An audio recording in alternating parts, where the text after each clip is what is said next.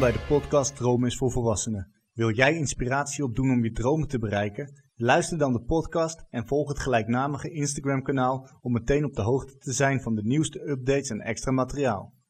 En als je vriend van de show wordt, dan heb je toegang tot exclusief materiaal en kom jij als eerste meer te weten over de aankomende gasten. Vergeet ook niet om de show 5 sterren te geven in je favoriete podcastspeler. Vandaag heb ik Arjan Dwarshuis te gast. Arjan is misschien wel de bekendste vogelaar van Nederland. Naast zijn televisieoptredens bij verschillende talkshows ken je hem van de documentaire Arjan's Big Year. In deze documentaire krijgen we inzicht in zijn recordjaar, waarin hij 6852 verschillende vogelsoorten heeft waargenomen. Daarnaast is hij te horen in de Vogels podcast en komt binnenkort zijn nieuwe boek getiteld Zomergasten, Doortrekkers en Overwinteraars uit. We spreken elkaar op de plek waar de podcast ooit is begonnen, namelijk bij de House of Bird in het Diemerbos. Arjan, welkom bij de podcast en hoe gaat het met je? Ja, thanks. Uh, ja, gaat goed.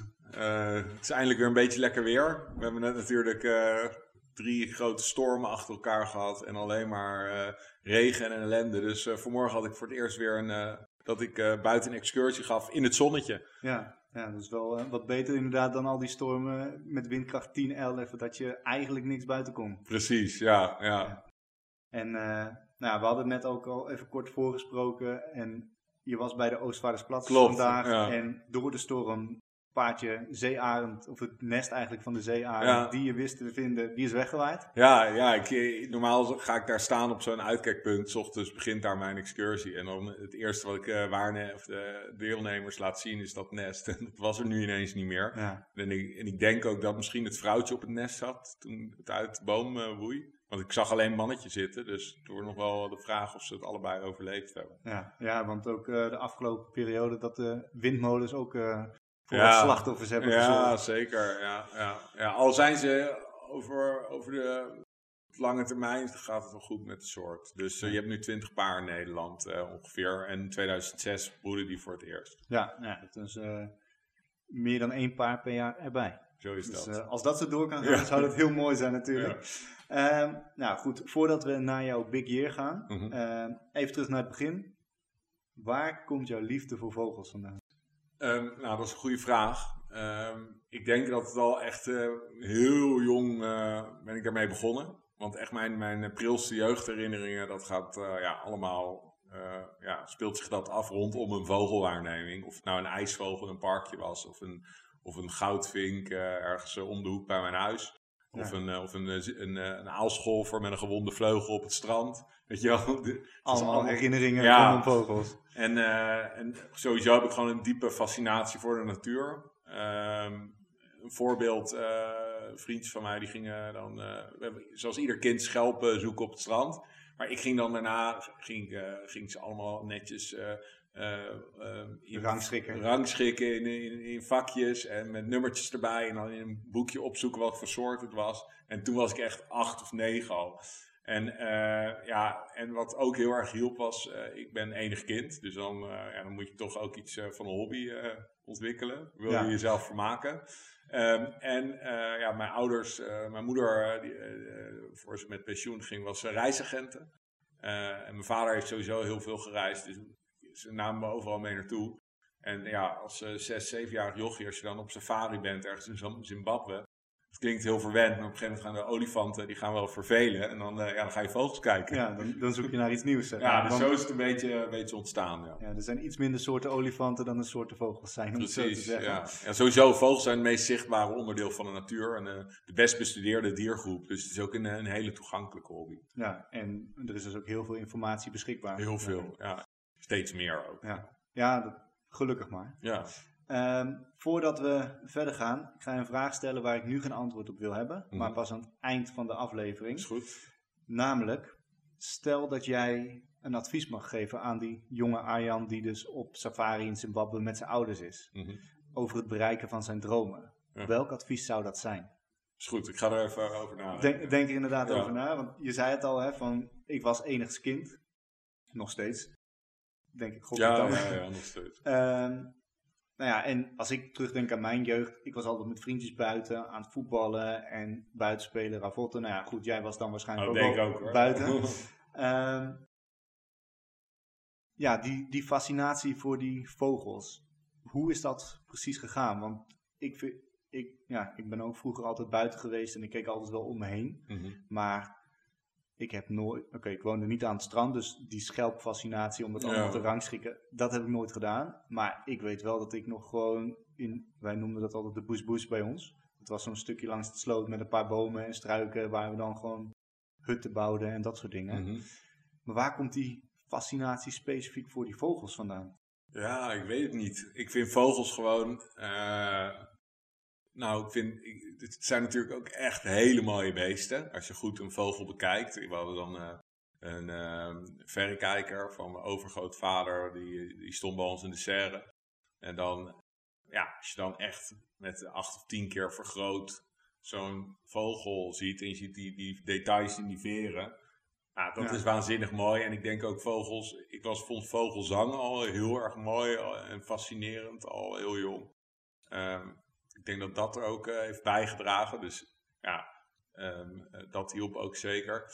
En ehm, eh, ja, de diversiteit in, in soorten. Ik ging me heel snel verdiepen ook in, de- in, in, in die enorme soortenrijkdom. En, en ik vind het, ja, het is een hele spannende bezigheid. Als je, als je eenmaal, eenmaal in een boek gaat opzoeken wat je hebt gezien. En je, en je gaat een keer een kruisje in zo'n boek zetten. Ja, dan is het gewoon het hek van de dam. En dan, en dan, ja, dan wil je steeds meer kennis opnemen. En dan, en dan wil je steeds meer, eh, steeds beter worden in het herkennen van die soorten. En dan wil je ze op geluid gaan herkennen. En dan Ja. op een gegeven moment, ja, dan, dan, dan groei je langzaam in die hobby. En, en ja, wat, de Britten die noemen zo'n zo'n eerste echte waarneming van, van een vogel, waardoor je dus echt begint met vogels kijken, waarna, waarna je een vogelaar wordt. Dat noemen ze een sparkbird. Ehm, Een soort gateway druk. ja, Maar dan- ja, precies, ja. Ja, exact. En, en, en, en, en ik heb meerdere van dat soort sparkbirds. Weet je wel, ja, de eerste keer dat ik een roerdom zag, de eerste keer een waterwal. Dat zijn elke keer stuk voor stuk momenten geweest waarbij ik meer en meer verknocht raakte aan die hobby. Ja.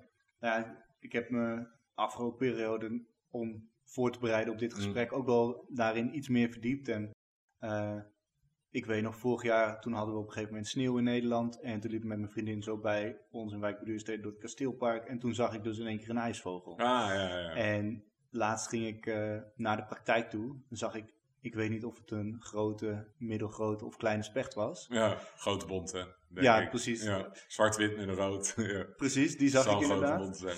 Ehm, of als ik dan aan het werk ben thuis, dan kijk ik wel eens de tuin in. Dan zag ik laatst in één keer een winterkoninkje. Mhm. En dan denk ik, ja, dat is toch dat gevoel, zeg maar, dat je in één keer dan iets nieuws ziet. Ja. Dat, ja, dat is gewoon super tof. Nou, het zijn Alleen- geluksmomentjes. Ik vergelijk, ik probeer altijd een beetje de, de parallel te trekken met, eh, met koken. Ik ben zelf een hele fanatieke hobbykok. En heel veel mensen houden van koken. Ja, ehm, het, het geluksgevoel als je een heel nieuw recept hebt en je, en je proeft eh, wat je hebt gecreëerd. En je denkt, oh joh, dit is lekker. Of je probeert even iets nieuws, een nieuw soort kruid ergens doorheen. En je weet dat je- het is gelukt. Of, of zelf ravioli maken. Ja, dat, dat, dat geeft gewoon een kick. En, Ja. eh, en Ja, dat, dat- is elke als je met, als je voor het, eh, al nog keer tien is dat, als je voor het eerst een vogel die al jarenlang in het vogelboek eh, hebt bekeken en dan voor het eerst ziet, ja, dat is wel, maakt je hart een sprongetje.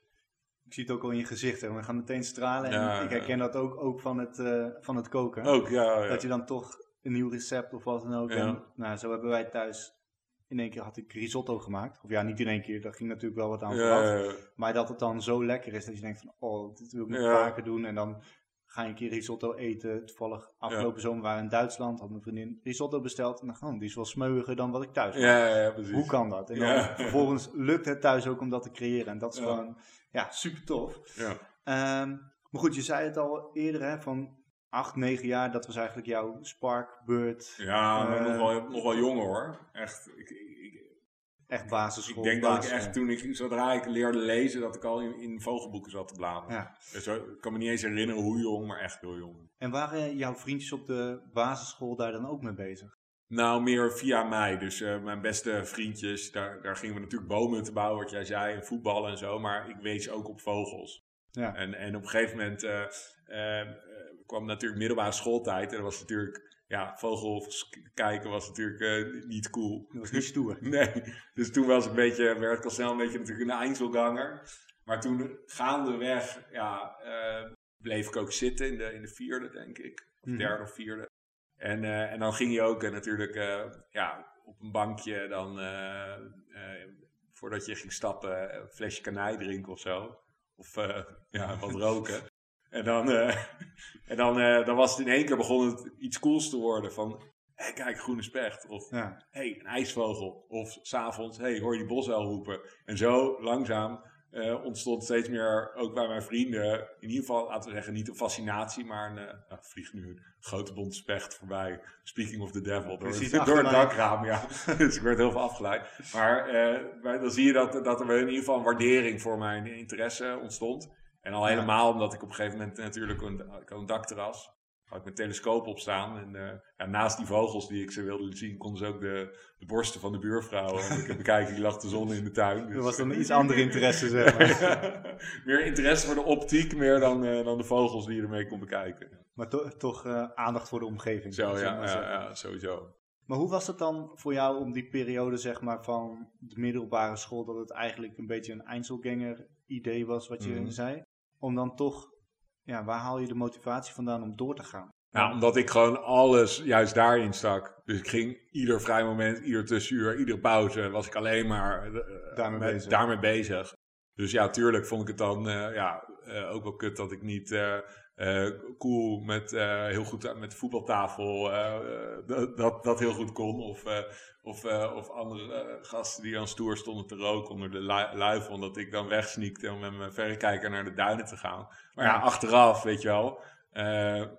ben ik erg blij dat ik het altijd ben blijven doen. En, en ik vind het ook mooi nu te zien dat, dat vogels kijken zo populair aan het worden is. En ook, ook onder kinderen, jongens en meisjes. Dat het gewoon echt, echt niet meer een, een, een obscuur een, eh nerde is ding is, maar gewoon een, het is gewoon een coole hobby. Ja, En ja, daar heeft natuurlijk ook zo'n Freek Vonk bijvoorbeeld aan bijgedragen. Gewoon de populariteit van natuurbeleving. ja. En, eh, en, en ik hoop ook dat, dat, dat ja, over 10, 20, 20, 30 jaar dat, dat vogels kijken gewoon dat, dat iedereen dat doet, weet je wel. Eh, Ja. als, als kind, dat het gewoon net zo normaal is als, als voetballen of zo. ja, het is natuurlijk ook, als je kijkt de afgelopen twee jaar, eh, nou, volgens mij letterlijk twee jaar geleden hoorden we de eerste berichten van corona. Mhm. En ik heb dat de afgelopen twee jaar dat het echt een vogelvlucht, no pun intended, heeft gemaakt, Ja. zeg maar. Puur omdat mensen, die konden niet meer doen wat ze gewend waren. Ja. Je kon niet dus uitgaan omdat de horeca en dergelijke dicht was. Mhm. Dus je, je kon niet reizen, want de landsgrenzen waren soort van dicht. Ja, Dus je moest kort bij toch zoeken naar nieuwe dingen. En mensen zaten thuis, wat ze niet gewend waren. Mhm. Ja, hoe ga je dan toch die aandacht naar buiten? ja, zo is ook Krijgen. echt eh, de... de, de nou, je hebt allemaal van die nieuwe corona-woorden. En één, één nieuw corona-woord is voor mij ook coronavogelaar. dat is echt, echt niet normaal. Die, die, die, die eerste, eerste lockdown en toen de angst er lekker in zat. En toen iedereen zich nog netjes aan de regels hield. En ging wandelen in duo's. Precies, ging iedereen wandelen in duo's en vogels kijken. En dat was echt een soort Pokémon Go voor gevorderden. En, eh, en toen zag je ook echt die tuinvogeltelling meer dan verdubbelen, verdubbeld het aantal deelnemers. En, Ja. en, en echt iedereen, echt mensen waarvan ik echt dacht, die gaan nooit vogels kijken. Mijn vrienden van me die in één keer een vogelboekje hadden gekocht en een verrekijker. En op dat succes borduurden wij voort met de Vogelspodcast. Ja. Dus we eigenlijk dezelfde golf.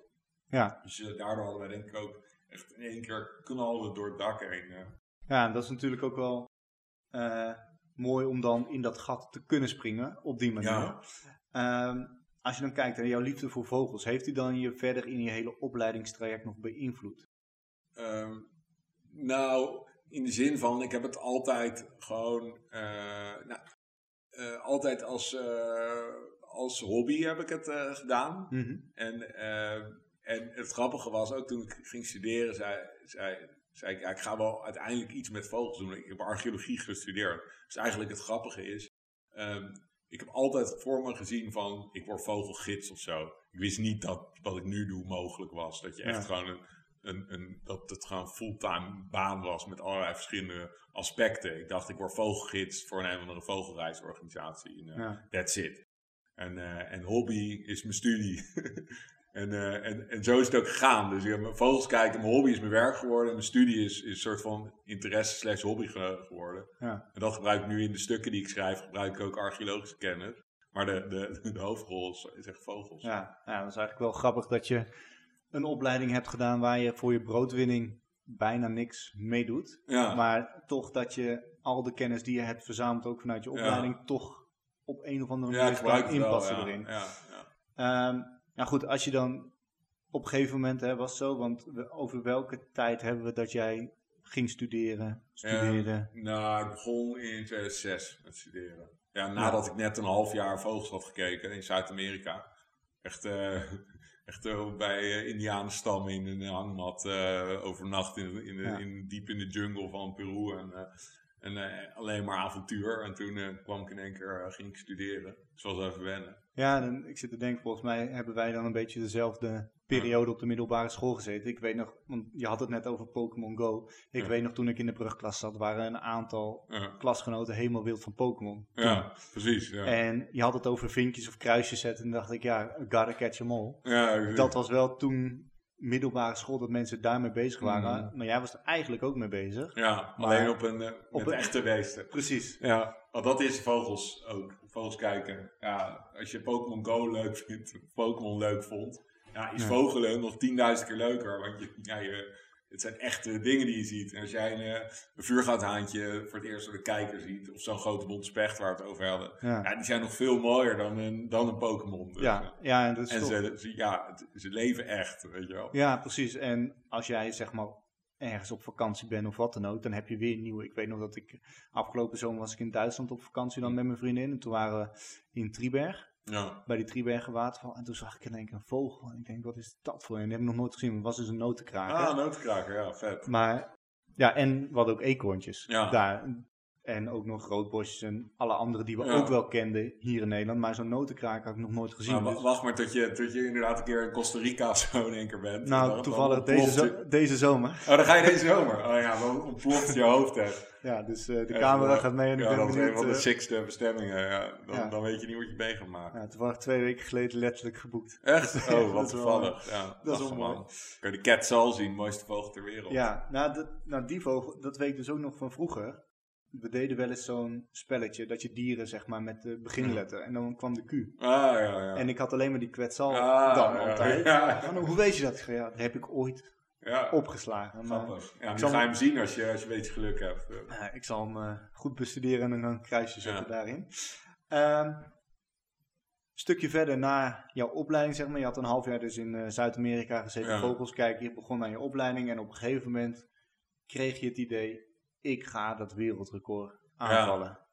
Ja, nee, dat, dat, dat, die, dat wereldrecord, die fascinatie daarvoor is al, was al ontstaan eh, eigenlijk eh, ja, tijdens dat half jaar reis in 2006. Mhm. Toen had ik ook eh, nog, ja, had je nog geen waarneming.nl waar je vogels invoerde. Het was, ik had een checklist van Checklist of the Birds of the World van James Clemens, een Mhm. Amerikaanse ornitholoog die inmiddels is overleden. En die had in 1989 had hij een wereldrecord eh, neergezet van 3600 zoveel vogelsoorten. En dat, ja, dat was echt een uh, onwijs eh, avontuur. Weet je, daar werd veel over, over gesproken. Ja. Toen dacht ik, nou, de, zoiets wil ik ooit ook gaan doen. Dus het zat, toen, toen ontstond wel dat idee van, van een jaar reizen en al die En- vette vogels. En dat doen inderdaad. Ja, en, en, en langzaam, ja, dat, dat verdween weer naar de achtergrond. En, eh, maar altijd dacht ik ooit, als ik de kans krijg. In je achterhoofd zat altijd nog dat Precies. stemmetje. Ja, en toen op een gegeven moment, toen ehm, had ik ook, ehm, eh, ja, toen, toen woonde ik al in Amsterdam.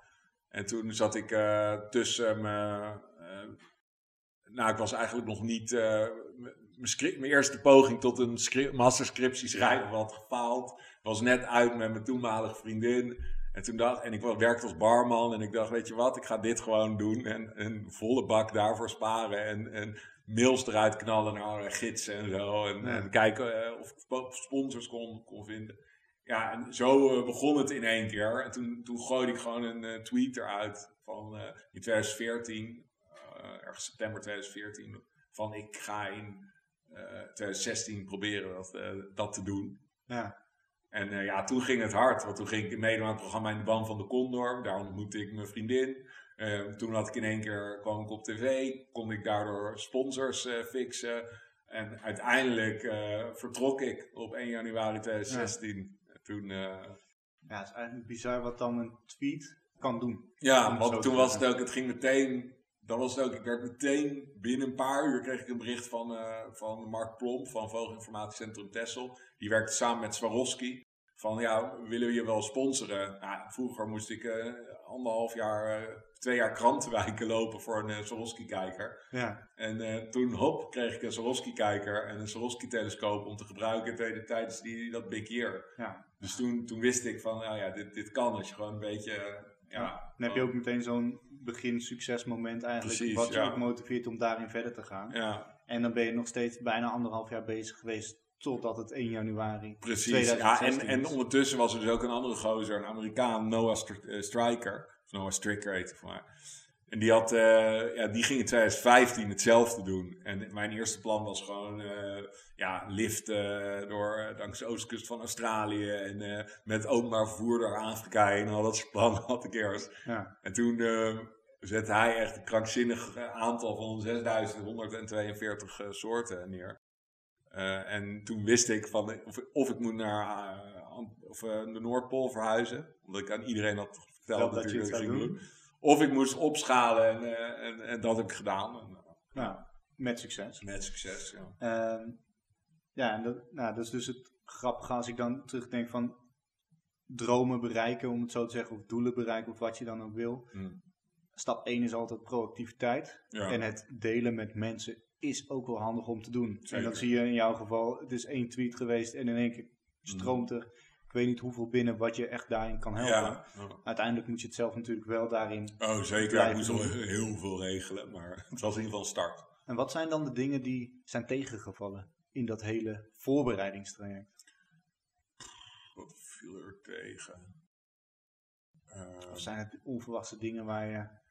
Ja, die eh, Noah Strikker misschien? Ja, ja, dat hij echt heel veel had gezien. Dat was maar, ja, kijk, wat bizar is ook in, toen ik mijn boek schreef, na afloop, was ook eh, mijn uitgeverij, eh, mijn redacteur, die zei, ja, je moet ook, ja, wat mensen willen lezen is ook dat je ziek was, of dat, je, dat, je, dat er vluchten niet gingen, of dat je bijna neerstort, avontuur, dat je je been brak, maar ik heb echt eigenlijk een jaar lang. En ook de, de aanloop er naartoe. Het ging allemaal best wel gewoon smooth. Ja, Ik heb, ik heb, ik heb geen grote, geen ja, tegenslagen. hele grote tegenslagen. Ook een jaar lang, een jaar lang gewoon niet ziek geworden. Eén, één dagje een, beetje een, een- wat verkeerd gegeten. Maar voor de rest gewoon een jaar lang gewoon Ja. gezond gebleven. En, eh, Ja, en dat las ik in je blog inderdaad. Ja. Dat, dan zeg je nog van het is bizar. Normaal ben ik twee keer in het jaar ben ik gewoon echt eventjes echt ziek.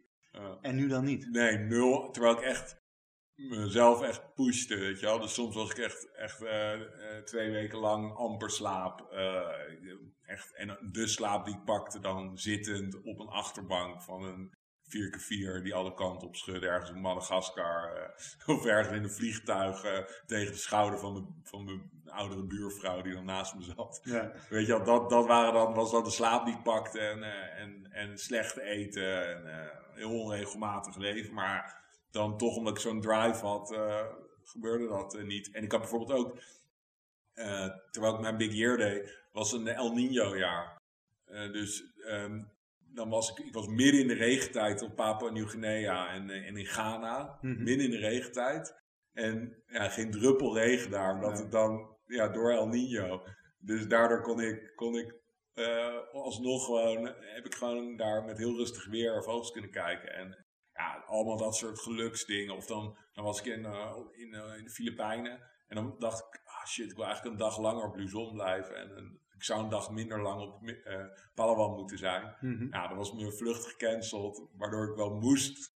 De gids mij wel een dag langer moest gidsen op Luzon. En dan had ik mijn dag minder lang op Palawan. Ja, Ja. al dat soort dingen. Alsof ik echt een engeltje op mijn schouder had. Ja, alle stukjes vielen precies goed Ja, wat dat betreft. niet normaal, ja. Daarom denk ik ook, niet om arrogant te doen, maar het lijkt me echt sterk dat, dat dit, iemand ooit zo gek gaat zijn om te proberen überhaupt eh, nog een keer te doen. ja, je weet nooit hoe dat met al die coronavogelaars natuurlijk nu Ja, eh, maar ja, het is ook, ook de, de, de, de druk op reizen. Ik zou het zelf ook nooit meer doen. Weet je wel, toen ja, was net een beetje voordat het echt die discussie over, over, over ja, rondom vliegschaamte en zo. Mhm. Nu denk ik ook, shit, ik heb natuurlijk ook heel veel gevlogen. Ja. Een jaar lang, tuurlijk. Ik heb een carbon offset eh, programma gevolgd. Ik heb een halve ton bijna opgehaald voor, eh, voor BirdLife International. Dus voor de bescherming ook van, van vogels met dat, eh, door dat big year te doen. Mhm. En ik ben ook heilig van overtuigd dat het dat, dat gewoon als er niet ecotourisme zou zijn en dat niet gepromoot zou worden, dat er op Madagaskar bijvoorbeeld of de Filipijnen of het Atlantic Rainforest in Brazilië,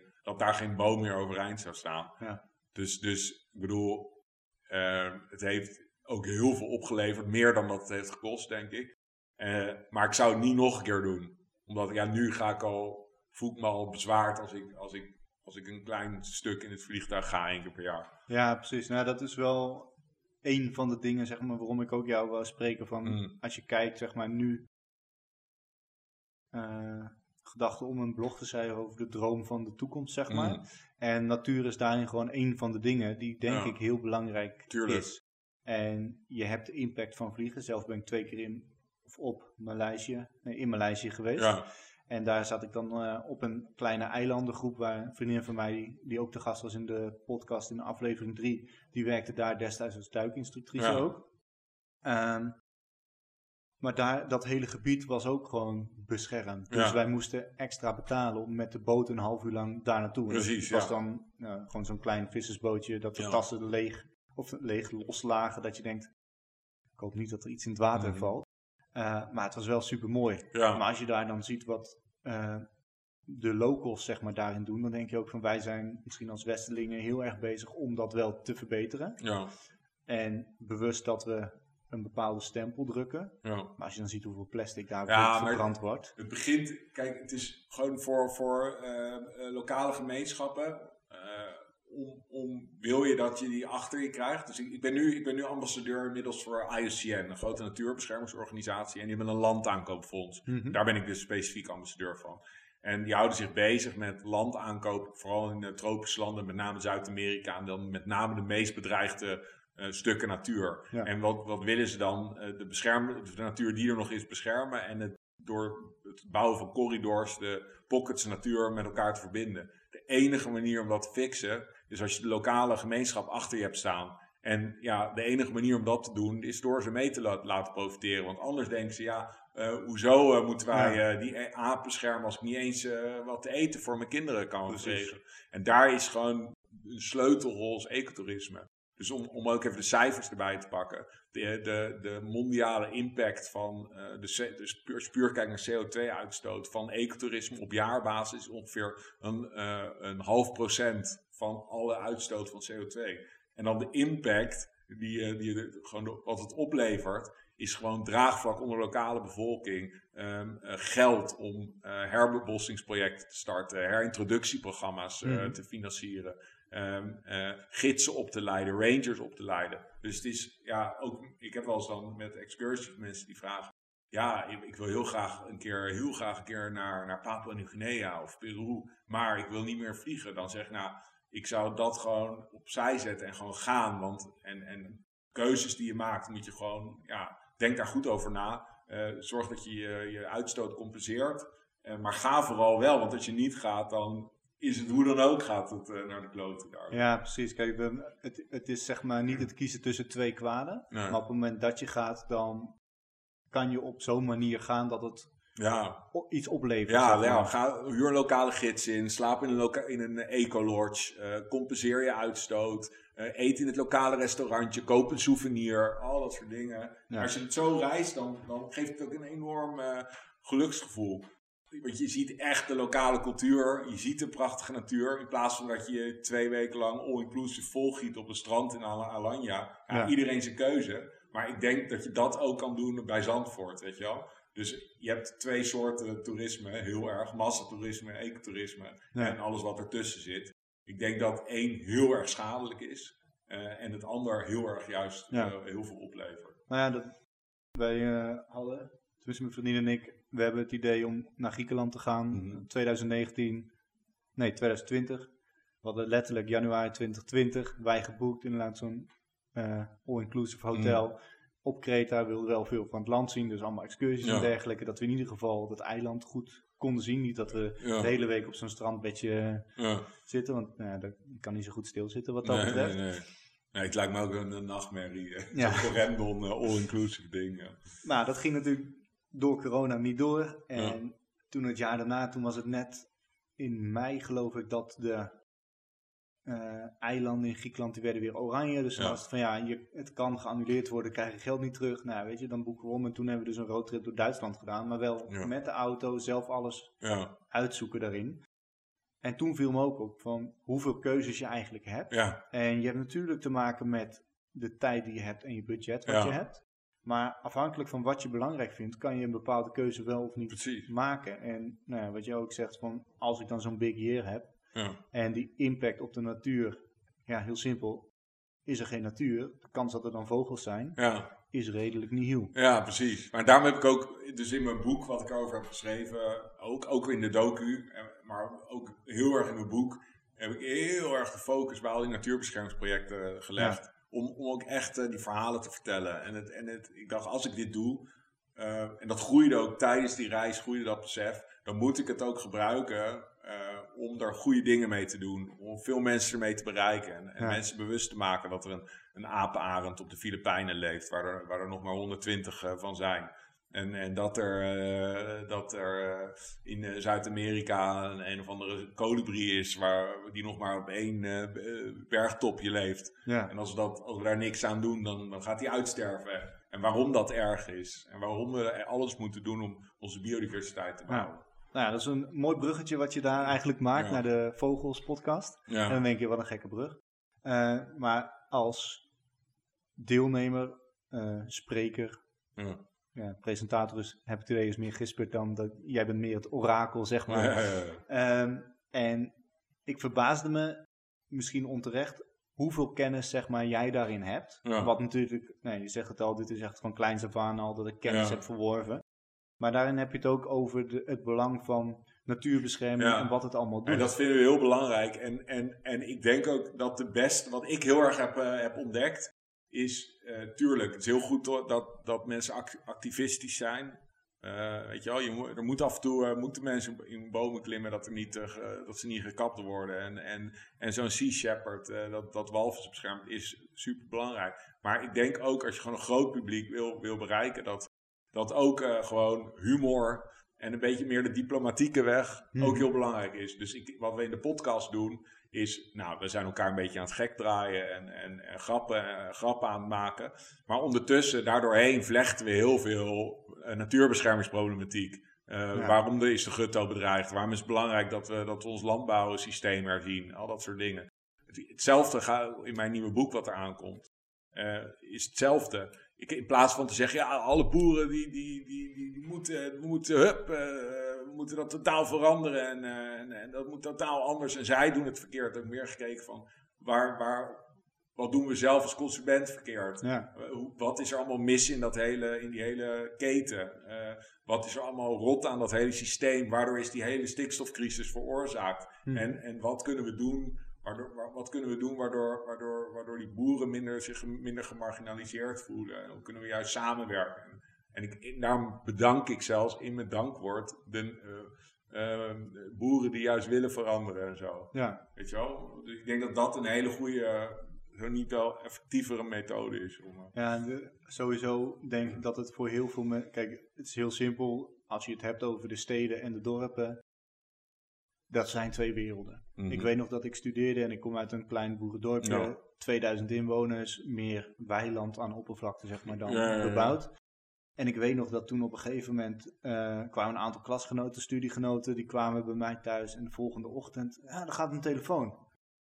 Nee, dat was een schaap, zeg maar, wat aan het blaten was. Ah. En toen dacht ik achteraf gezien van, voor mij is dat heel normaal, zeg maar. Ja. Is natuur heel normaal, maar voor de mensen die op bezoek waren, was Ja. dat dus totaal niet. En als je dan kijkt naar, want dat gaf je ook aan in de Vogels podcast van, ehm, door bepaalde dingen gedaan te hebben binnen natuurbescherming met de boeren, Mhm. heeft dat een effect op, volgens mij ging het over de roofvogels, ik weet niet precies welke, Mhm. maar dat de boeren een gif gebruikten waardoor de muizenpopulatie omlaag ging en daardoor uiteindelijk dus, Ja, dat eh, het DDT, landbouwgif. ja, Dat, dat was eh, heel funest voor roofvogels inderdaad. Dat was in de jaren zeventig, werd dat gewoon over het land gespoten om, eh, om eh, ongedierte te bestrijden. Daar, daar gingen roofvogels dood aan. En eh, toen werd dat eh, uitgebannen. En nu zie je bijvoorbeeld dat eh, de buizerd eh, weer, weer helemaal, eh, helemaal ja, terug is. Ja, helemaal terug is. Dus Ja. Je ziet ook dat, dat, dat als je bepaalde dingen anders gaat doen, eh, dat wel degelijk de natuur is super veerkrachtig. Het beste voorbeeld is onze omgang met water.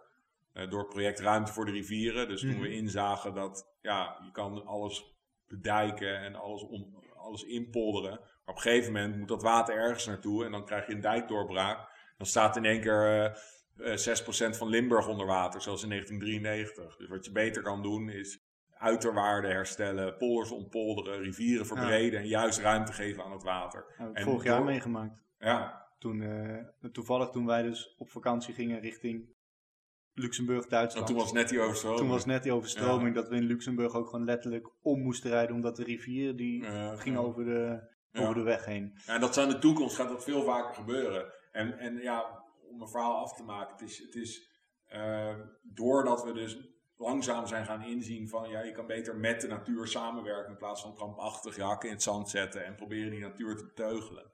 Ehm, eh, wat, je, wat je ziet is ehm, eh, dat er nu heel veel topnatuur echt in, in een paar jaar tijd is, is bijgekomen. Dus als je de Biesbos neemt bijvoorbeeld, dat is in, in, in tien jaar tijd is de oppervlakte aan biesbos natuur is bijna verdubbeld. In het kader van dit project Ruimte voor de Rivieren. Ja. Waar tien jaar geleden nog suikerbieten werden verbouwd. Heb je nu 200 paar veldleverikenbroeden, grutto's. En er is een belangrijke pleisterplaats voor ehm ruiende eenden en ganzen. En daar jagen visarenden. Weet je wel? Ja. Eh, zo hard kan het gaan. Eh, als we gewoon wat meer inzien dat de natuur ontzettend belangrijk is. En dat wij zelf een wezenlijk onderdeel zijn van de natuur. En dat we zonder de natuur zelf niet kunnen bestaan. Ja, nou, op zich helemaal mee eens. Ik net als voorbeeld gaf van steden en dorpen. Ik Ja. weet nog dat ik toen studeerde in Utrecht. En dan had je wel eens op donderdagavond of wat dan ook, dan ging je nog even de kroeg in. Mm. En zeker in de zomer was dat lekker warm. Ja. Maar als ik dan een half uur met de, in de bus had gezeten, dan had ik het gewoon daarna als ik uitstapte koud. Omdat het bij ons, zeg maar, als het open was, ja. kon die warmte veel Ah, ja, dat, dat is ook in de, in de stedelijke omgeving. Alles wordt helemaal dichtgetegeld en eh helemaal rampzalig. Water kan nergens meer heen, warmte kan nergens heen. Nee. En nou, zelf zit ik eraan te denken, wij moeten onze tuin thuis nog een keer verbouwen. Ja. Ik wil kijken of dat we daar niet voor vogels bijvoorbeeld iets meer kunnen Ja. doen. Twee boompjes neerzetten Nou, ik of zo. vind dat, dat, eh, dat je gewoon per wet moet verplichten dat als je een huis koopt met een stuk grond eromheen of een tuin, dat verplicht een bepaald percentage van, de, van jouw tuin, dat moet groen zijn. Ja. En anders krijg je gewoon fucking hoge boete. Of belasting extra. Belasting extra, gewoon. En ik denk, ja, eh, er zullen wel wat mensen eh, gaan dwars liggen, maar ja, zo erg is het niet om, om een paar meter groen te laten in je tuin. Nee, zeker niet. En, en, en niet dat je dan een of andere, een of andere exotische plant daar neerzet. Maar dat vind ik ook. Dat tuincentra verplicht moeten worden om, om biologische producten. En dat bijvriendelijk is ook zo achterlijk. Het zijn nog steeds gewoon bespoten Ja, dingen. Dat is niks bijvriendelijk. Weet je wel? De neonicotinoïden druipen er bij wijze van spreken van, vanaf. ja, maar dan zie je dus eigenlijk al, als we het dan hebben over het orakel van de Vogels podcast. Het gaat niet alleen over vogels. Oh nee. Het gaat ook over de insecten. Het gaat ook over de... Nee, vogels zijn het klankbord van de natuur. Hè? Vogels zijn, wat ik al zeg, de best bestudeerde diergroep. En zijn heel zichtbaar. Ik bedoel, als ik nu naar buiten kijk achter jou, dan zie ik een boomkruin. En het enige wat ik zie buiten die boomkruin is een zwarte kraai die daarin zit. Weet je? Ja. Vogels zijn heel goed, eh, kan je ze waarnemen. En daardoor zijn ze, kunnen ze heel goed vertellen of het goed of slecht gaat met een ecosysteem. Dus je kan heel goed eh, zien als een soort achteruit gaat. Ja, dan, dan gaat er iets mis in dat ecosysteem. Ja. En, en dan kan je de vinger op de zere plek leggen. En dat was vroeger in de, tenminste wat ik uit de geschiedenisboeken heb geleerd, tijdens de Tweede Wereldoorlog of Eerste Wereldoorlog hadden ze ook altijd een parkietje bij de soldaten. Precies. Ja, de, de canary, eh, ook de canary in the gold mine. eh. Precies. Ja. Om maar ervoor te zorgen dat als het dus misgaat, Ja. dat nou ja, die vogel het loodje legt. en Ja, dan ja, dan zo zagen ze gifgasaanvallen aankomen. Als, als de vogel stopte met zingen, ze- dan wisten ze dat er mosterdgas werd gebruikt in de Eerste Ja. Wereldoorlog. Dan gingen de gasmaskers op. ja, en dat is eigenlijk wel bizar als je dan... Kijk, normaal, ik heb het dan geleerd uit een boek en ben blij dat ik het niet heb meegemaakt. Mm. Maar de natuur zelf en de vogels zelf, dat kan je gewoon overal meemaken. Ja, En dat, ik weet nog toevallig vorige week, ik liep met een maatje. En ik kijk zo naar rechts naar een boom. Ik denk, hè? Dat is een boomkruiper. Dat heb ik nog nooit gezien. ja, Maar de tante van mijn vriendin, die is ooit dierenarts geweest. Ja. En tussen, in december waren we daar en ik had een camera meegemaakt, want die woont op een boerderij, dus Mhm. veel dieren eromheen. En nou, toen zag ik in één keer een boomklever. ja. En die legde dus uit van ja, de boomklever die kan omhoog en naar beneden in de boom, Mhm. maar een boomkruiper die kan alleen maar Ja. omhoog. Ik hoop dat ik het goed zeg. Ja, ja, dat is goed. En toen dacht ik, hé, maar deze die gaat alleen maar omhoog. Ja, Dat moet dan een boomkruiper zijn, want het kan niet zo'n Ja. zijn. Toen dacht ik, als je het dan hebt over, om ook even terug te gaan naar jouw big year. Je hebt heel veel mensen om je heen eigenlijk die jou hebben geholpen. Je noemde het al, diegene van eh Tessel zeg maar en Swarovski, dat die jou meteen steunen. Maar ook die gidsen, Ja. dat ja, je vlucht Ja, meer dan honderd verschillende gidsen, ja. Dus je kan het daar niet alleen. Maar die Ja. geluksmomentjes, dat ik dan zo'n nieuwe soort heb ontdekt, Ja. dankzij dus de tante van mijn vriendin, door één opmerking die zij maakte in, op die hele dag, dan denk ik van ja, dat beïnvloedt je ook.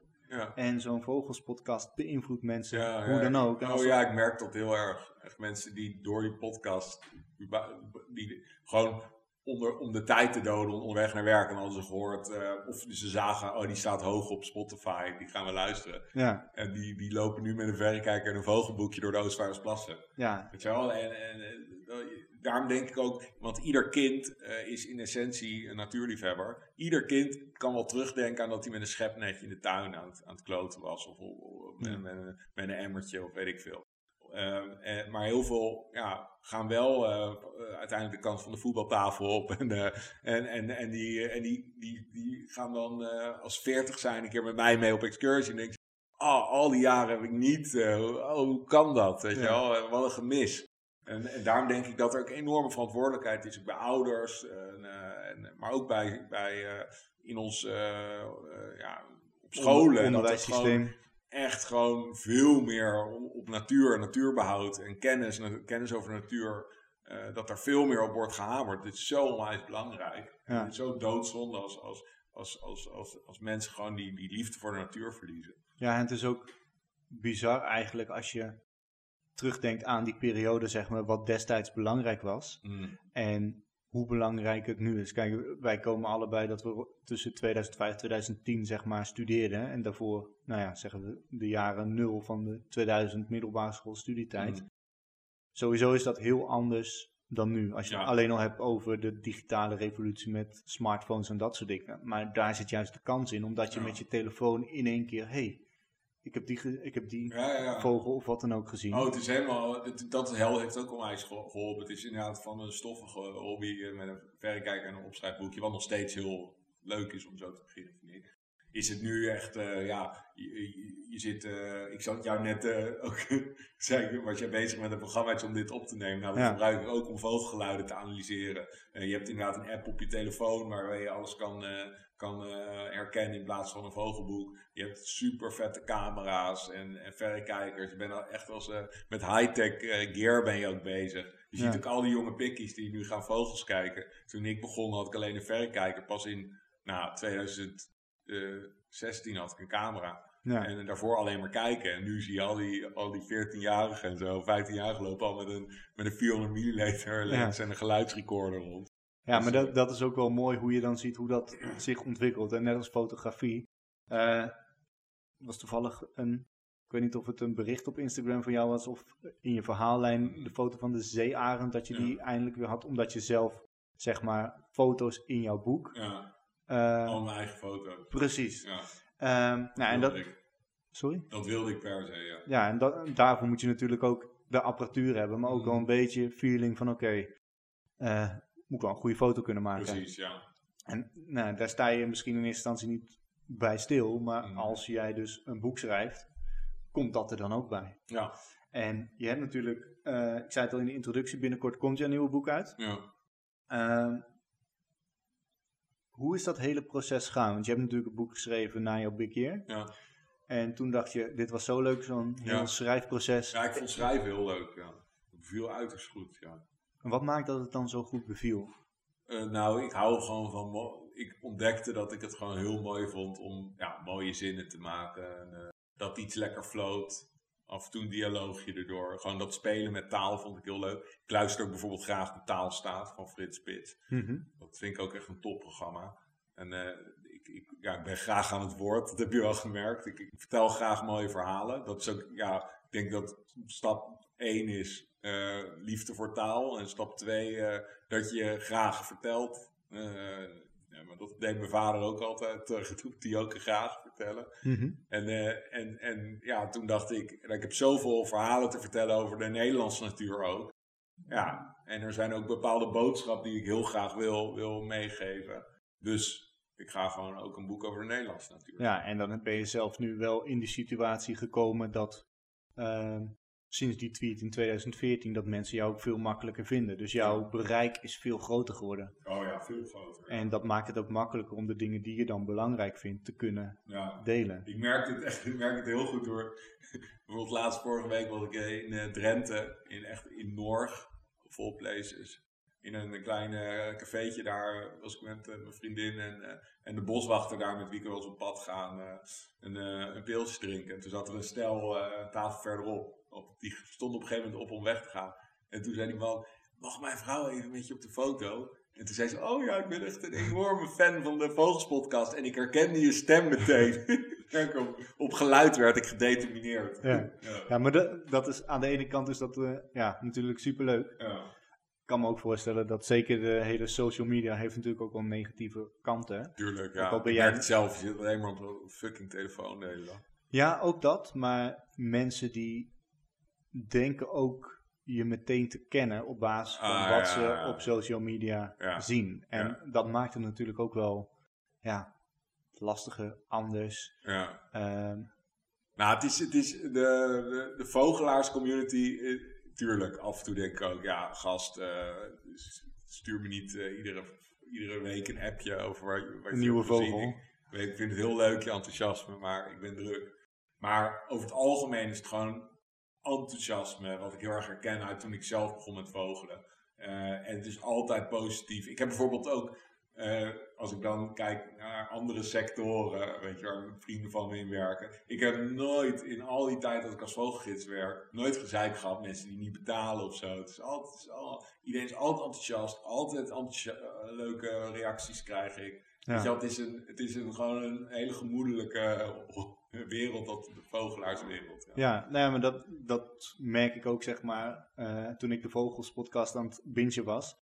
Eh, ja, dan, maar dan merk je ook dat je wordt gewoon meegenomen. Het idee Ja. is dat je er gewoon bij bent. En daardoor Ja. heb je het idee dat je iemand al beter kent. Maar ik vind ook op het moment dat je iemand vraagt om iets te doen, dan moet je daar ook gewoon eerlijk en oprecht naartoe Ja, zijn. ja. maar dat vind ik ook hoor. Als, als, als bijvoorbeeld eh, iemand vraagt: hey, ik ben fan van je podcast, mag ik even misschien een beetje op de foto of een handtekening in mijn vogelboek? Ja, tuurlijk. Weet Ja. je wel, gaan we fixen. Maar ik had bijvoorbeeld ook laatst, eh, was ik met mijn vriendin naar het vogels kijken. En dan komt er een andere gozer. En die gaat zonder iets te vragen zo een meter naast, een halve meter naast me staan. En die maakt zo'n selfie van ons. Ja. Eh, en ik zeg, joh gast, wat, wat kom je doen? Weet je wel, kan, je dan niet eerst vragen? En ik ben hier gewoon eh, ja, voor mijn rol. Dat Ja. vind ik ook weer, maar dat is de, een beetje de negatieve kant. Maar ja, eh, weet je wel, eh, had ik maar niet dat moeten doen. Weet je, dat hoort er Ja, het is een beetje de... het, Keerzijde ja, van de medaille. Ja, de, is het een offer wat je moet brengen? Aan de ene kant niet helemaal. Het zijn gewoon de vervelende kantjes die en overal weet je wel, we hebben het over, dit gebeurt één keer in een paar maanden gebeurt zoiets. Ik ben niet Miley Cyrus of zo. Nee, of Kim Kardashian. ik weet niet of je dat moet willen. Nee. Ehm, Nee, ik had je voor dit gesprek natuurlijk nog een, eh, of ja natuurlijk, Ja. ik had je een artikeltje gestuurd Ja, over, nou, misschien wel toepasselijk in deze hele periode van Ja. corona, dat iedereen lekker thuis werkt en dan in één keer heel enthousiast, of dat mensen heel enthousiast zijn omdat ze in één keer een vogel uit het raam zien. Mhm. Hebben we net ook meegemaakt met de specht die eh, Mhm. voorbij vloog, zeg maar, bij jou. ja. Ehm, in dat artikel werd ook gezegd hoe blij, euforisch iemand was omdat ze dat za- zagen. Dan denk ik ook meteen terug aan die blog van jou dat je in je big year niet één keer ziek bent geweest. ja. Hoe, ehm, ja, hoe zou je dat verbinden om het zo te zeggen? Nou, het is de beste manier is misschien te denken van, ehm, stel je voor dat er geen vogels waren. Ik bedoel, iedereen houdt wel van eh, barbecue of in de tuin zitten of op het strand. Nou, stel je voor een zomeravond barbecue en je hoort niet een eh, zingende merel.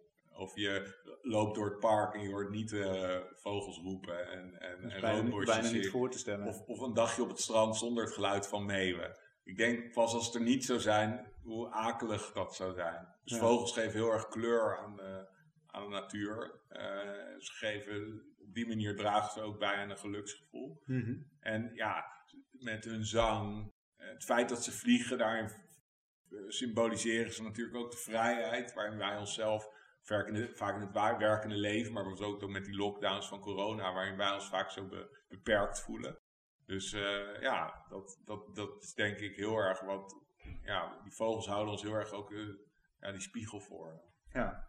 ja, ik ben toevallig nu bezig in het boek 22 levenslessen die vogels ons kunnen leren. Ik weet niet of je die Nee, ken ik Ken. niet. Eh, Het is op zich wel een leuk boekje. ehm, maar daarin wordt ook per vogelsoort die besproken wordt ook een verband gelegd tussen ons mensen. Bijvoorbeeld de koekoek dat die nooit eieren legt in zijn eigen nest, zeg maar. nee, Of dat eh tortelduifjes heel erg bij elkaar kunnen ja, blijven, om het zo te zeggen. ja, En hoe dat dan is in relatie tot het opvoeden van ja. kinderen, om het zo te zeggen. Ja, dat, dat is je ziet alle, alle aspecten van, eh, van, van eh, mens, menselijke natuur. eh, zie je ook wel terug bij vogels. Dat is echt heel grappig. Zeker als je naar kraaien of zo gaat kijken. Super intelligente beesten. Zie je ook allerlei eh, gedrag terug wat je ook bij mensen ziet. Ja. Bedrog, eh, allerlei samenwerken, backstabben, alles. Maar dat ga je natuurlijk pas zien als je er echt op let en Ja, op leuk. Dus dat is ook heel leuk als je een beetje kijkt naar vogelgedrag. Dat is echt eh, fascinerend. En ook bijvoorbeeld kraaien, wat ik al zei. Eh, die zijn echt net zo intelligent als mensen, apen. Ja, Dus, dus ontdekken ze constant nieuwe dingen. Dat ze kunnen kansrekenen. Cognitieve vaardigheden die niet onderdoen voor, eh, voor een chimpansee. En, super fascinerend. en wel, ja, dan sta je niet bij stil als je dan in één keer een groep kraaien Nee, ziet of zo. Maar nee. als je er dan inderdaad op gaat letten, dan zie je daarin heel veel. Oh ja, ja. Als je dan kijkt, hè, want ja, begon dit gesprek ook dat je vanochtend nog een groep hebt begeleid in de Oostvaardersplassen. Ja. Welke reacties krijg je dan terug vanuit mensen als ze dan, nou ja, nieuwe vogels zien die ze nog nooit gezien hebben of dat enthousiasme? Oh ja, super eh, leuke reactie. Ik heb nog nooit, eh, en, dat, ik zweer het, ik heb nog nooit in, in al die tijd, sinds 2014 gids ik, denk ik, nee, ja, nog wel langer inmiddels, heb ik nog nooit eh, een negatieve reactie gehad. Nog nooit, niet één Nee. op een excursie. Altijd super positief, super leuk. Want vanuit je, als je gewoon enthousiast bent en je vertelt erover, en mensen vinden het gewoon fantastisch. En dan, ja, dan zien ze iets waar het zo heel lang, bijvoorbeeld vanmorgen had ik een, had ik dan eh, een, vrouw mee, nou die had nog nooit een, eh, wat was het, een, eh, een, een, een, grote zaagbek, een soort hele mooie eend. Mhm. nog nooit gezien, en die zag ze voor het eerst na. Die wist niet waar ze het zoeken moesten. Ja, ja. Het is ook heel lekker, want daardoor, alle vogels die ik al een miljoen keer heb gezien, eh, waar ik dan een beetje blasé door ben, ben geworden, die zou ik normaal voorbij fietsen. Dan door die mensen die voor wie het nieuw is, beleef ik ook weer dat geluksmoment. Ja. Eerst. Ja. Ja, en dat, dat, zijn, dat is het mooie van het werk natuurlijk. Want Ja. als het goed is, iedereen heeft in zijn of haar werk. Ja. Ehm, als je dan kijkt hè, naar het hele stukje van jouw big year en alles wat daarna gebeurd is. Want nou, je zei het al, met die tweet werd het allemaal opgepakt en werd ik ook uitgenodigd voor televisieprogramma's Ja. en dergelijke. Ehm, ik zei het ook al in de mail of ten- toen wij de eerste keer belden van tijdens, eh, ik had er al van Bemmel gesproken en Ja. die gaf jou aan en, of tenminste die gaf jou aan als gast, niet dat je bij de politie werd aangegeven of zo. Eh, En in de week daarna Wat gebeurt er? Jij zit bij de slimste mens. Oh, ja. En ik dacht in eerste instantie, nou dat is grappig. En wat me daarna vooral is bijgebleven, is hoe goed je het wou doen, om het zo te zeggen. ja, Een stukje fanatisme en toen dacht ik, ja, deze man die heeft bijna 7000 soorten vogels gekeken in één, of waargenomen in één jaar. Ja. Dat kan bijna niet anders dan dat, dat fanatisme wat erin zit en die passie ervoor, dat dat breder is. ja. Het kan niet dat het alleen voor het stukje vogels Nee, het is bijna in alles, ja. Als ik iets doe, dan wil ik het goed doen. Is dat ook als je kijkt naar alles wat je wil bereiken, zeg maar, of het bereikt, essentieel geweest? Ja. ja. Dat je die Dus als ik een boek wil schrijven, wil ik het zo, echt zo goed mogelijk doen. Ja. En, eh, bijvoorbeeld ook, daarom willen vrienden van me liever geen spelletjes met me spelen. Wat als ik verlies? Ja, Dan is het huis te klein. het huis te klein, ja. ja. Of al- als, eh, de, als ik te veel zout in een, eh, we hadden het net over koken, te veel zout ergens opflikker en ik ver, verpest het gerecht waar ik drie uur lang voor in de keuken heb gestaan. Ja. Nou, dat is niet eh, even lachen, nee, dat ben ik echt uh, vloeken en tieren. Ik ben daarin heel perfectionistisch, heel fanatiek. Heeft dat je ook, eh, of heb je daardoor ook wel eens kansen niet kunnen pakken? Nou, meer dat ik, dat ik gewoon door dat van dat ik te snel eh, uit mijn vel spring of zo, als iets niet gaat zoals ik wil. En dan, eh, dan, dan eh, denk ik, nou, dat mag wel wat minder. Misschien ma- mag je het ook wel wat tra- meer tranquilo zijn af en toe. Dat, dat, dat, dat hoor ik dan natuurlijk van mijn vriendin of mijn vrienden.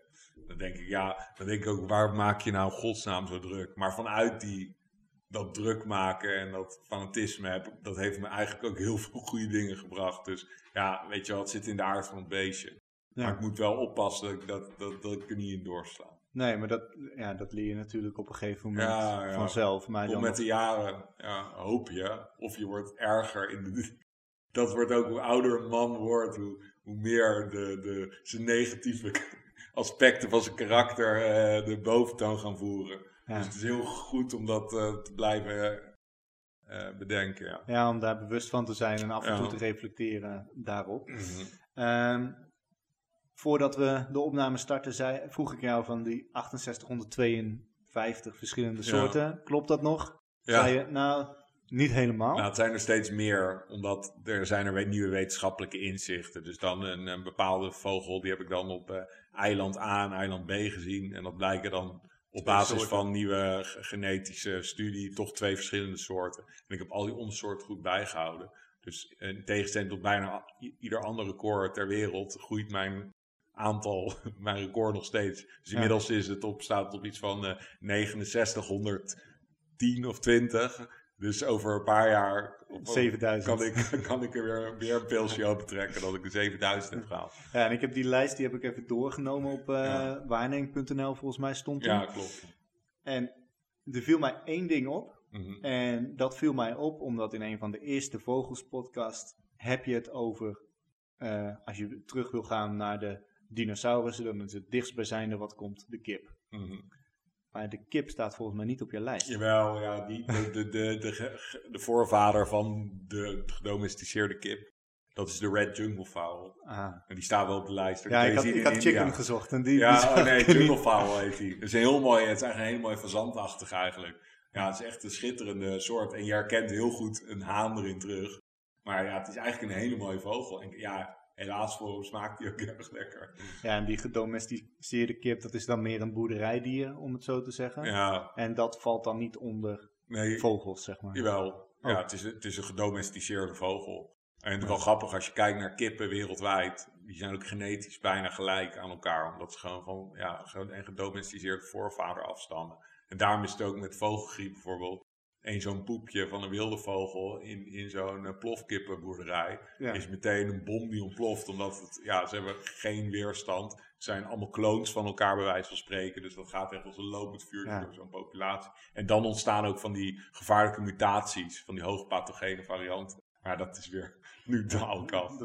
Ja, maar dat, dat is waar we het net over hadden, zeg maar. Een van de dingen die we als mens doen, wat voor invloed heeft dat dan op Mm. eh, ja, de vogels of de natuur? Ik bedoel, we hebben het ook gem- meegemaakt met corona. Dat is ergens ontstaan Ja. ontsnapt. Niemand weet het eigenlijk Ja. nog helemaal. Maar als je ziet wat voor een impact dat heeft op de wereld. ja. eh, zowel negatief als denk ik ook wel positief. Nou, positieve effecten lijken wel van vrij korte termijn. En mensen zijn gewoon hardleers en vervallen gewoon weer heel snel een oude gewoonte, helaas. Ja, ja een gedragsverandering. Uh, maar het is ontstaan door onze omgang met dieren. Hoe fucked up die omgang met dieren is. Ja, En, en dan, en mensen wijzen dan met een beschuldigende vinger naar China. Maar als je bedenkt hoe wij met, met koeien en varkens en kippen en zo omgaan, is dat geen haar beter. En dat had net zo goed hier kunnen ontstaan. ja. ja, een van de eerste blogs die ik heb geschreven is getiteld De kat en zijn baasje. Ja, En de kat, dat is eigenlijk de droom die je hebt. ja, En het baasje is degene die de kat moet verzorgen. ja, Ja, dat is wat je zegt, of het nou om koeien, varkens of Ja. katten of wat dan ook gaat. Uiteindelijk moet je denk ik ook voor het bereiken van dromen, kijk naar jouw big year. Ja. Je moet in het voorstadium goed ervoor zorgen om het te kunnen doen. ja. Maar uiteindelijk tijdens dat hele jaar Ja. moet je ook goed voor die mensen om je heen zorgen. Precies, en voor die droom zorgen, want anders kom je... Nee, Kom nee, je er niet. Anders lukt het niet. Als ik dan kijk, hè, om een klein beetje een samenvatting te geven van alles in het kader van het bereiken van jouw droom van de big year. Eén, een idee, een wens om iets te gaan doen. Ja, Wat uiteindelijk van die, eh, ja, vanuit James Clemens zijn record kwam. ja, Vervolgens eh, ja, uitspreken dat, Ja. je, dat je dat wil gaan doen. Mhm. En vervolgens het samenwerken met mensen. En wat je ook zei, ja, je had geld nodig en twee jaar in Krantenwijk of een stuk sponsoring. ja, Dan is die laatste vaak toch iets sneller wat je daarin kan bereiken. ja, Maar misschien wel het belangrijkste is toch de interne drive en productiviteit die je hebt gehad om uiteindelijk daar te komen. Maar Ja. ook het stukje nauwkeurigheid dat er dus in eh, een aantal jaar gewoon al 60 soorten bij zijn gekomen. ja, Puur omdat je het goed hebt neergezet. ja, precies, ja. En ja, vanuit vroeger zat die liefde voor vogels erin en wist je dat je er altijd iets mee ging doen. Ja. Maar nooit geweten dat het letterlijk je broodwinning Nee. zou zijn. Ja. Maar wel altijd, altijd dus gewild. Maar ik wist niet dat dit in de- Nederland mogelijk was. Nee. Dat het, dat het zo'n populair iets zou worden. En, en dat, je, dat je erdoor bij talkshows aanschuift wekelijks. Dat had ik natuurlijk nooit, Nee, nooit verwacht. nee maar, de, maar dat is dus ook op het moment dat jij nooit het had uitgesproken of nooit die tweet had gestuurd, Ja, is dat, zou dat allemaal gewoon niet gebeuren. precies. En dat is ja, wat ik gewoon merk als ik met mensen spreek. Dan willen ze heel graag dingen doen, Ja. maar ze houden het voor zichzelf. Mhm. Want als je niks zegt, kan je ook dus niet falen naar anderen toe. Klopt. Terwijl als jij in jouw geval zeg maar die tweet niet had gestuurd. Nou ja, dat is het. Je moet gewoon, een- het is net zoals eh, als je een cabaretier wil worden. Ja, op een gegeven moment moet je dat podium op. En, eh, en een keer, eh, misschien ga je een keer op je bek. Maar ja, Uiteindelijk dat dat. hoort erbij. En dat hoort ook gewoon met je dromen ja, najagen heel erg. Weer Durven een beetje risico te nemen. Niet te veel risico. Houd het één hand aan de reling, zegt mijn vader altijd. Maar eh, ja, door, durf wel die duik in het diepe te nemen. Of het roer radicaal om te gooien. Weet je Ja. wel, eh, het is niet erg om op je bek te gaan. En met elke, eh, elke keer op je bek gaan. Misschien snel kijk je erop terug en denk je, oh, dat, dat was de reden dat het gebeurde. Het kan ook 10, 20 jaar duren dat, dat je terugkijkt op een bepaalde negatieve gebeurtenis in je leven. Voordat je inziet van, ja, ook de positieve kant eh, Ja. van het verhaal. Ja, en daarin is het stukje reflecteren gewoon van belang. Ja, precies. Ehm, stel hè, dat wij elkaar over vijf jaar spreken. Hm. Welke droom heb je waargemaakt? Nou, ik hoop dat, dat, dat, dat mensen, dat, dat die, die golf van populariteit van natuur en natuurbeleving blijft groeien in Nederland. Eh, dat het, eh, dat het ja, steeds minder niche wordt en steeds meer gewoon een, een, een wezenlijk onderdeel. Dat het, dat het net zo belangrijk is voor Nederlanders als voetbal. Weet je wel, Daar, Ja. dat hoop ik. En, en dus misschien over vijf jaar eh, dat, dat, dat ik een, een praatprogramma kan hebben. Ik, weet, ik denk Anders dat dan een podcast. ik denk dat televisie echt een, een medium is dat gaat verdwijnen. Kijk maar naar, weet je wel, dat Boos bijvoorbeeld. Misschien online of zo. Maar in ieder Ja. geval dat er een populair iets is. Eh, wat, wat eh, eh, ja, in de formule van een praatprogramma alleen over natuur. En dat het echt breed gedragen wordt door de samenleving. En dat ik daar de presentator van ben. Zoiets zou ik wel graag willen doen. Maar niet meer zoiets idioot als een eh, recordpoging. Nee. Ja, ik denk dat niemand het idee heeft om dat record op korte termijn uit de boek Nee, nee, te gaan doen. niet. Stel dat mensen nu denken, nou, dit gesprek dat was zo leuk, ik wil meer van jou weten. Ja. Waar kunnen ze jou vinden? Ja, op uh, arjandwarshuis.com, mijn website. Dus eh, dat daar, is heel en daar staan makkelijk. allemaal links naar. Ja, daar zijn alle links op. En eh, ja, ja daar kan je, kan je wel de meeste eh, dingen waarmee ik bezig ben, zoals nieuw boek. Ik ben ook een natuurdocu-serie aan het maken momenteel. Dat is iets voor over een jaar of twee eh, gaat het uitkomen. Ja, Al dat soort dingen kan je daar op lezen. dan kan je gewoon volgen waar je, waar je mee kan je bezig weer bent. volgen waar ik mee bezig ben. Ja, dan gaan we nog even terug Naar naar het begin. begin inderdaad. De tip. De tip aan de jonge Arjan die eh, Ja. op vakantie naar Zimbabwe met zijn ouders Ja. was. Welke tip zou je meegeven in het bereiken van zijn dromen? Nou, blijf altijd je liefde bewaren voor, eh, voor de natuur en vogels. Blijf altijd de schoonheid ervan inzien. Laat het, reduceer het niet tot alleen een, eh, een nummertje een, kruisje.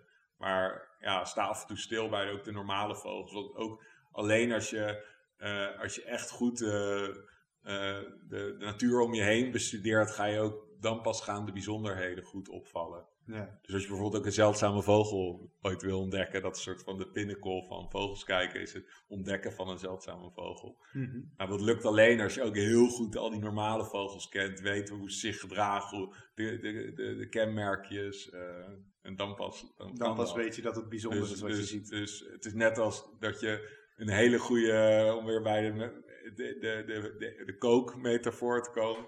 Je wordt pas een hele goede chef niet als je allerlei frutsels en tierenlantijnen op een bordje kan leggen, maar als de smaken kloppen en als je weet van dit is, zo smaakt een pompoen en zo smaakt een, een, een tomaat en Ja. dat past goed bij elkaar. Weet je wel? Ja. Ja, Blijf, blijf bij die leest. blijf bij je leest. Ja. Hou je En basis geniet vooral heel erg. En hou de lol erin. En, eh, dat is heel belangrijk. En laat je niet tegenhouden door mensen die Nee, anders... eh, Durf een duik in het diepe te nemen. En eh, heb, heb scheid aan al, alle mensen die vinden dat je dat, dat je niet moet doen. Dat lijkt me een hele mooie afsluiting. Ja. Dankjewel. ja.